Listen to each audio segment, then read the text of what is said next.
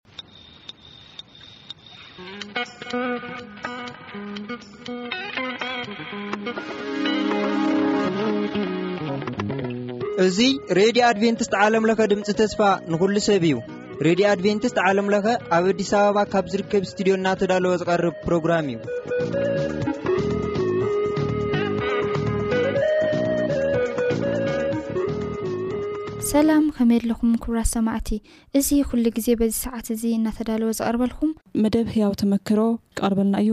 ኣብ መንጎ እውን ዝተፈላለዩ ጠዓሚ ዘመታት ኣይሰኣናን። ምሳና ፅንሑ። ሰናይ ምክትታል።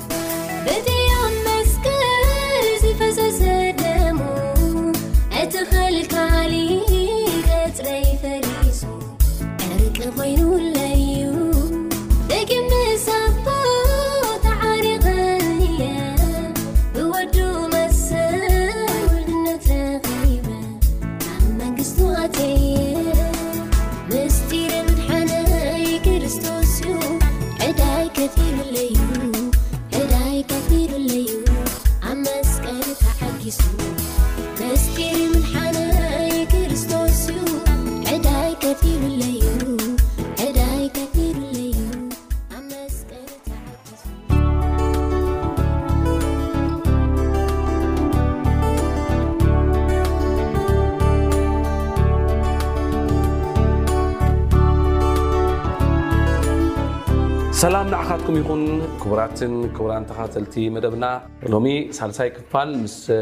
ሓውና ቴድሮስ በራኺ ዝገበርናዮ ዘተ ክቕፅል እዩ ማለት እዩ ሓውና ቴድሮስ በራኺ ከዓነ ኣብዚ ምሳና ኣሎ እንኳ ደሓን መፃኻ። ፅቡቕ ኣብቲ ናይ ዝሓለፈ ሰሙን ዝረኣናዮ ነገር ከመይ ኢሉ ናብ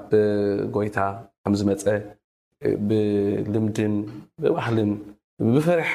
እግዚኣብሄርን ዝፈልጦ ዝነበረ ኣምላኽ እንደገና ከዓ ደድሕሪኡ ብቃሉ ከመይ ገይሩ ከምዝፈለጦ ኢና ርኢና ነርና። ሎማዓንቲ ከዓኒ እስከ ሓደ ሓደ ነገራት ብዛዕባ ናይ መዝሙር ህይወትካ ክንመጽእ ማለት ኣብታ ንእሽተይ ቤተክርስትያን ማለት እዩ ዳሕራይ ብዝተፈላለዩ እዋናት እቲ ናትካ ፀጋ እንዳ ተገልፀ መፅኡ ብፍላይ እቲ ናይ ዜማን ናይ ግጥምን እንደገና ከዓ ብመዝሙር እግዚኣብሔር ኣምላኽ ናይ ምውዳስን ማለት እዩ ካብ መጀመርያ ሄልካ ዘመርካያ ረኪበ እዩ ተረኪቡለይ ዝብል መዝሙር እዩ ዳሕራይ እውን ኣብ ዝተፈላለዩ እዋናት ጎይታ እንዳሃበካ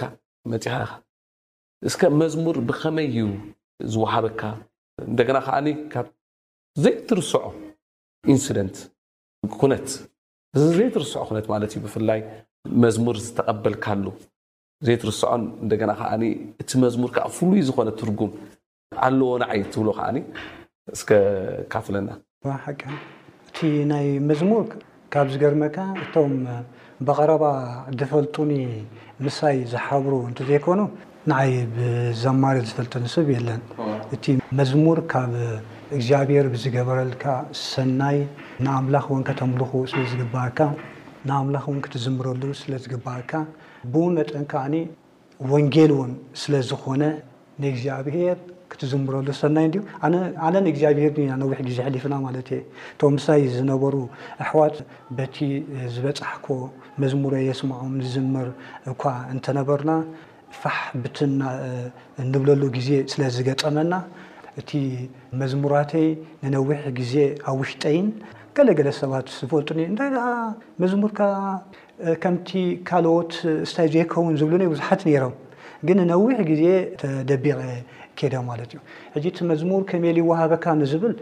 መብዛሕትኡ ግዜ ካብቲ ዝተለማመድክዎ ነገር ናይ ምስትንታን መንፈስ ኣለኒ። የስተንትን ስለ ዕቤት ኣምላኽ፣ ስለ ጉስነት ኣምላኽ፣ ስለቲ ዝገጥም ኣብ ከባቢየይ ግን ኣብ ህይወተይ ድማ ጎይታ ዝገብሮ ነገር፣ ከምኡ ድማ ናይ ኣምላኽ ሰባት፣ ኣብቲ ዝሓብሮ ይኹን ኣብ ካልእ ድምጺ ኣምላኽ ክሰምዕ ከለኹ፣ ብስብከት ይኹን መጽሓፍ ከንብብ ከለኹ ካብ ውሽጠይ ዜማ ይወጽእ ምስ ግጥሚ ባዕሉ። ደሓር እየ ነቲ ግጥሚ ከስተኻኽሎ ዝፍትን ማለት እዩ። ኣፍልጦ ናይ ከም ዝበልኩኻ ተውህቦ እዩ ደኣ እምበር ሕጂ ዘማሪ ማለት ሓደ ዓቢ ኣርት እዩ። ምስ ተዋሃበካ ብዙሕ ክትሰርሖ ኣለካ ብዙሕ ገለ ኣሎ። ኣነ ከምኡ ኣይፈልጥን እየ። ከምኡ ዝበሃል ተመክሮ እውን የብለይን ማለት እዩ ንብዙሕ ግዜ ውሽጠይ ነይሩ ይፅሕፍ ምፅሓፍ ብጣዕሚ እየ ዝፈቱ ገጥም እፅሕፍ ዝመፀኒ መዝሙራት ዝምሮ ሓደ ሓደ ግዜ ኣብቲ ዝነበርክዎ ንእሽተይ ሕብረት ተንበርኪኸ ክትፅሊ ከለኻ ብዙሕ ዓይነት ኣሎ ናይ ምስጋና ፀሎት ኣሎ ናይ ንስሓ ፀሎት ኣሎ ናይ ምምላድ ፀሎት ኣሎ ኩሉ ብመዝሙር ይገብሮ ነይረ ገለ ገለ ኣሕዋት ከምዚ ብጭቕ ብሎም ተዛረብ እባ ገለ ዝብሉኒ ነይሮም ኣነ ብመዝሙር እዩ ኩሉ በቃ እቲ እቲ መዝሙር ከ ኣነን ኣብ ኣምላኽን ንፈልጦ መዝሙር እዩ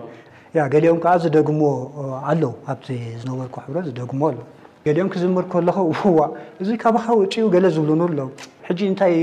ናይ እንታይ እናተረደኒ እዩ ዓብዩ እግዚኣብሄር ክፈልጣካሲ ክንደይ ጥዕም እግዚኣብሄር ከዓ ኣብ ግዜኡ ከውጻካሲ ክንደይ ጥዕም ከምዚ ሓደ ሓደ ግዜ ኣነ ዳርጋ ነዊሕ ዘበነይ እቲ ክገብሮ ዝግብኣኒ ብጎይታ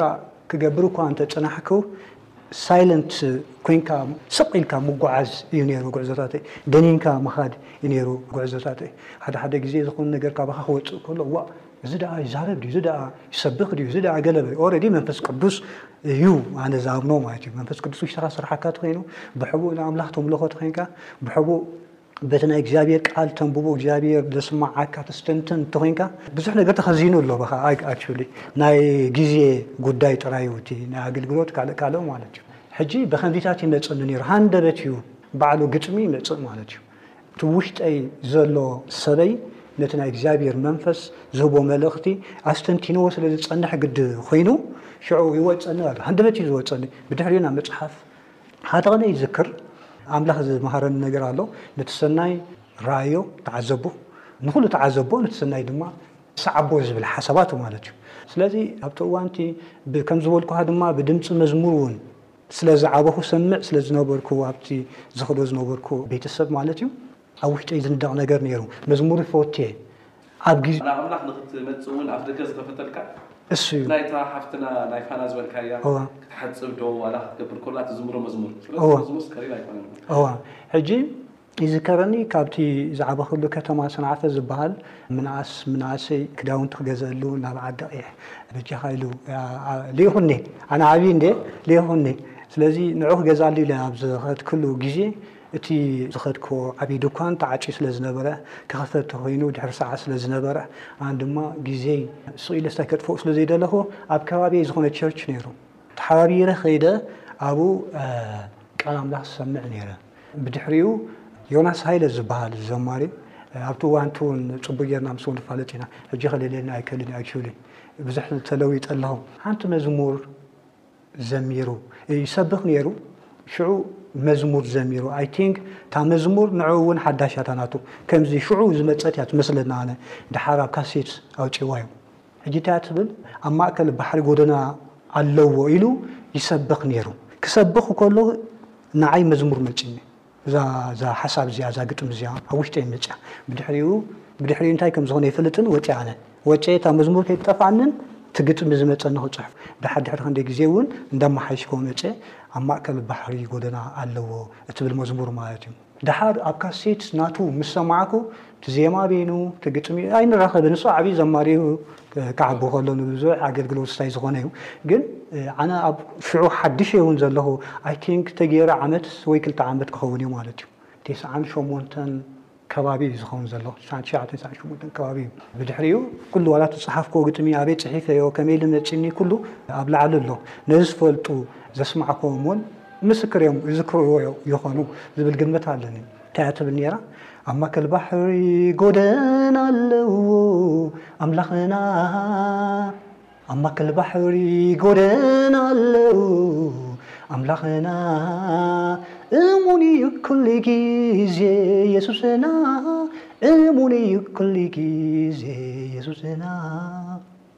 ሰናይ እዩ ኩሉ ግዜ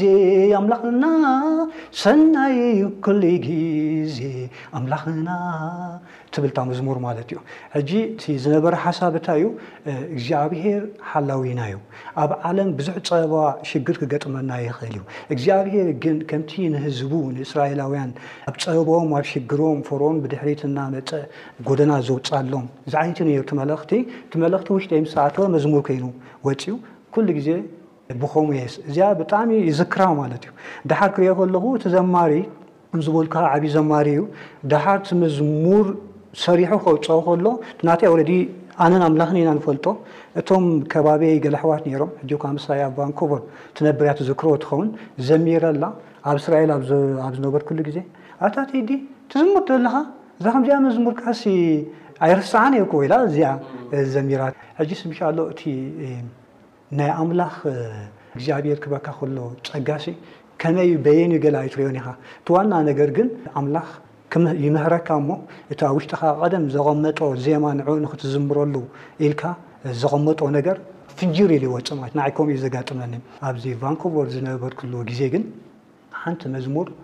ኢቭን ኣብ እስራኤል ዝሓለፍክዎ ሂወታት ኣሎ ኣብ ቫንኮቨር ካናዳ ኣብ ዝነበርክዎን ሓለፋ ሂወት ኣሎ ትሓልፎ መንገዲ ብዙሕ እዩ ኣብ ሓደ ዓብዪ ጉዳይ ክትበፅሕ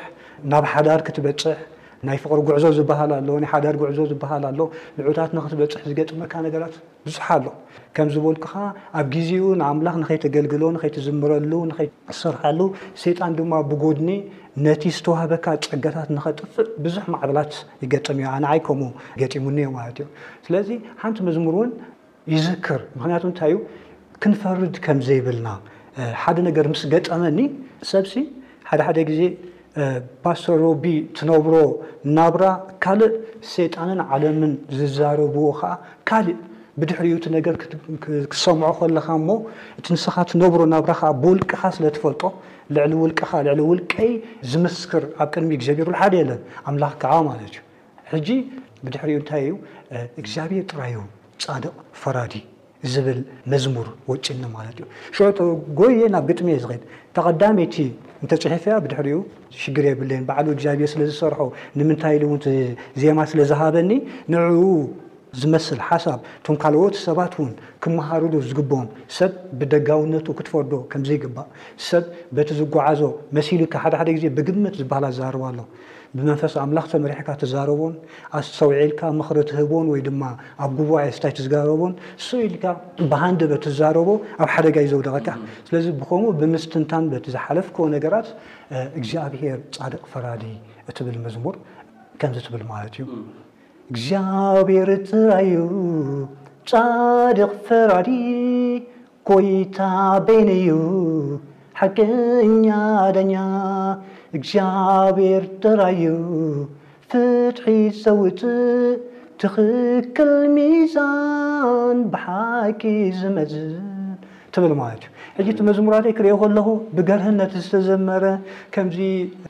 ዘይፍትሓውነት ወይ ድማ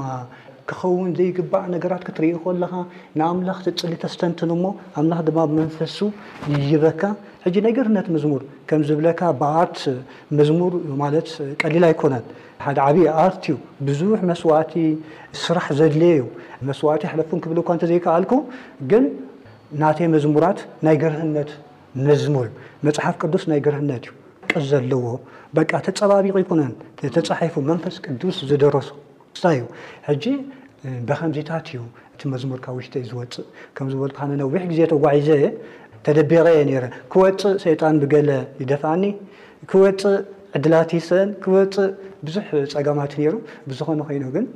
ንኣምላኸይ ካብ ምዝማር፣ ኣነ ምስ እግዚኣብሄር ይዛረብ፣ ንዕኤ ዘምልኽ ኣቋሪጸ ኣይፈልጥን፣ እሱ'ዩ እቲ ቀንዲ ንዓይ ከኣ ደው ዘብለኒ ኣብ ጉዕዞ። እግዚኣብሄር ይመስገን እንታይ ደልየ መሲልካ ቴዲ ሓወይ እቲ ቀዳማይ በቲ ናትካ ምስክርነት ሕጂ ዝረኣክዎ እቲ ዓቢ ነገርሲ እንታይ እዩ መዝሙር ንዓኻስ ንእግዚኣብሄር ኣምላኽ ምምላኽ እዩ እሱ እዩ ቀዳማይ ነገር እቲ ንማሕበር ንምህናጽ ዝብል እቲ እቲ ዕድል እውን ኣይረኽብካዮን ኔርካ በቲ እዋን እቲ ንምንታይ እታ ማሕበር ኣብ ስደት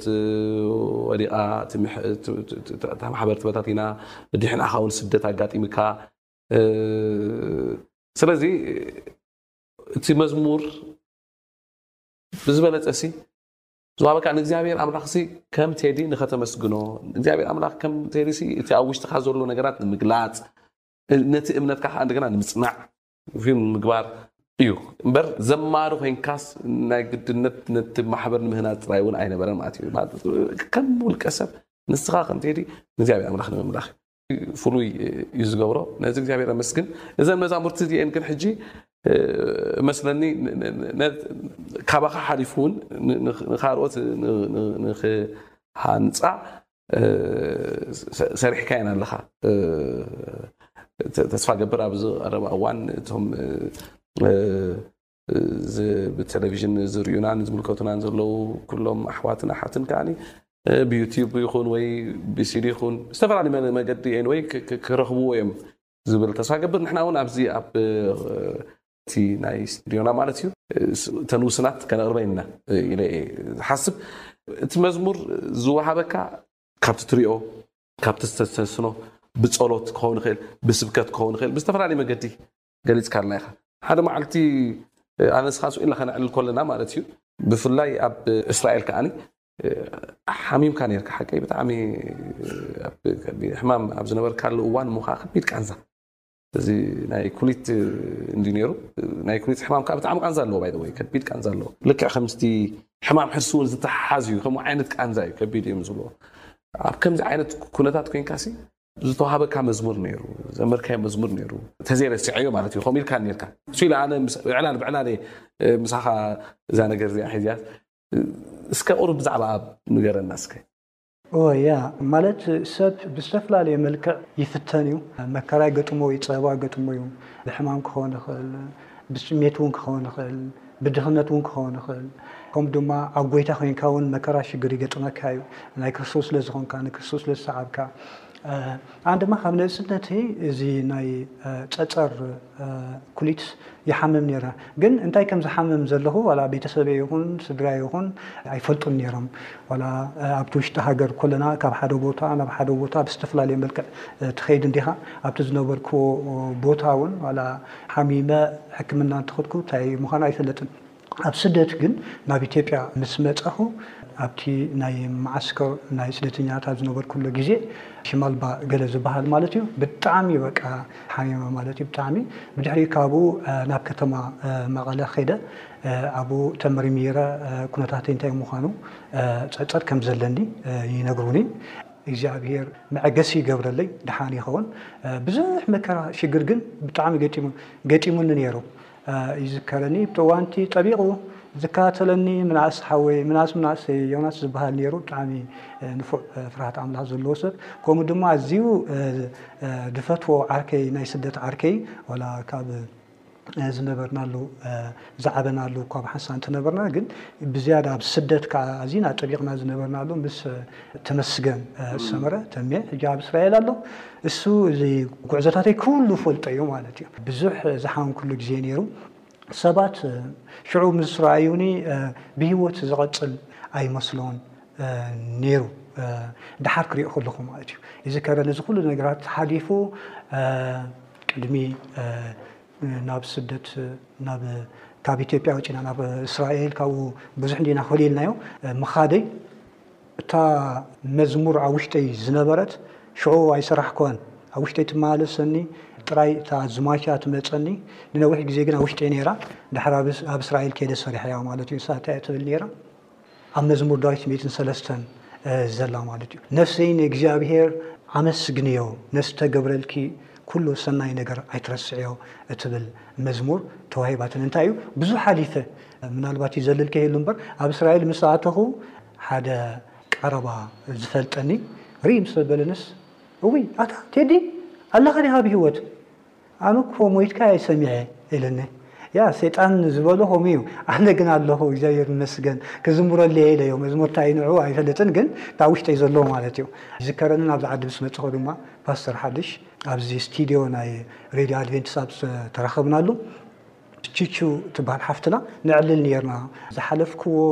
ኣጋጣሚ ኮይኑ ኣውታት ኣቲና ምጽእ ምስ በለ ኣነውን እኮ መይቱ እየ ሰሚዐ ኣለኻ ዲኻ ኢሉ ተሳዒሙኒ ማለት እዩ። ሕጂሲ ብዙሕ ተሓሊፉ ሰብ ነናቱ ምሕላፍ ይሓልፍ እንድዩ። እግዚኣብሄር ግን ከምዚ ጌሩ ኣናጊፉንን ሓልዩንን ስጋብ እዛ እዋን እዚኣ ደው ኣቢሉኒ። እዛ መዝሙር እዚኣ ከኣ ድማ ንኣምላኽ ዘሚረሉ ማለት እሳ እንታይ እያ ትብል?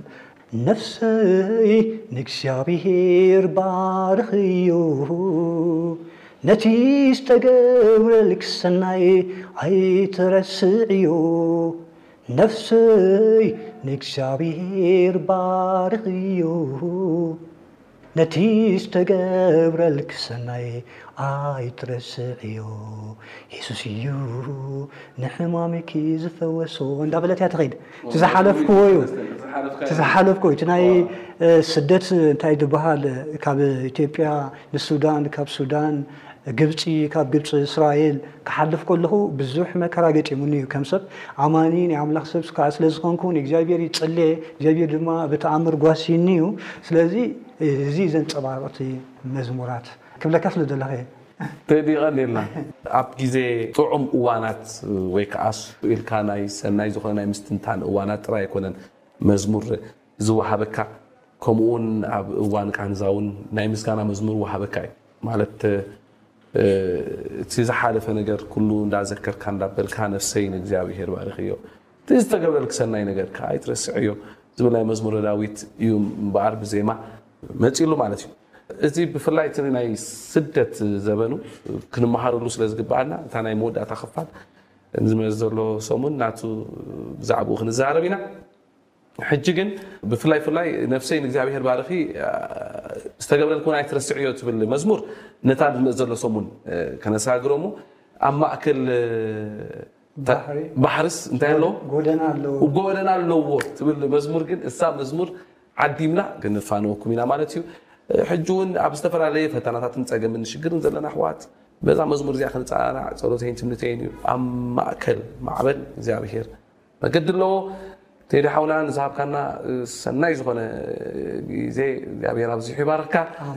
ዝመፅ ዘሎ ሰሙን እቲ ናይ መወዳእታ ክፋል ሒዝና ሒዝናልኩም ክትመፅ ኢና ክሳብ ሽዑ ፀጋ ኣምላኽ ምስ ኩላትና ይኹን ጎይታ ይባርኩም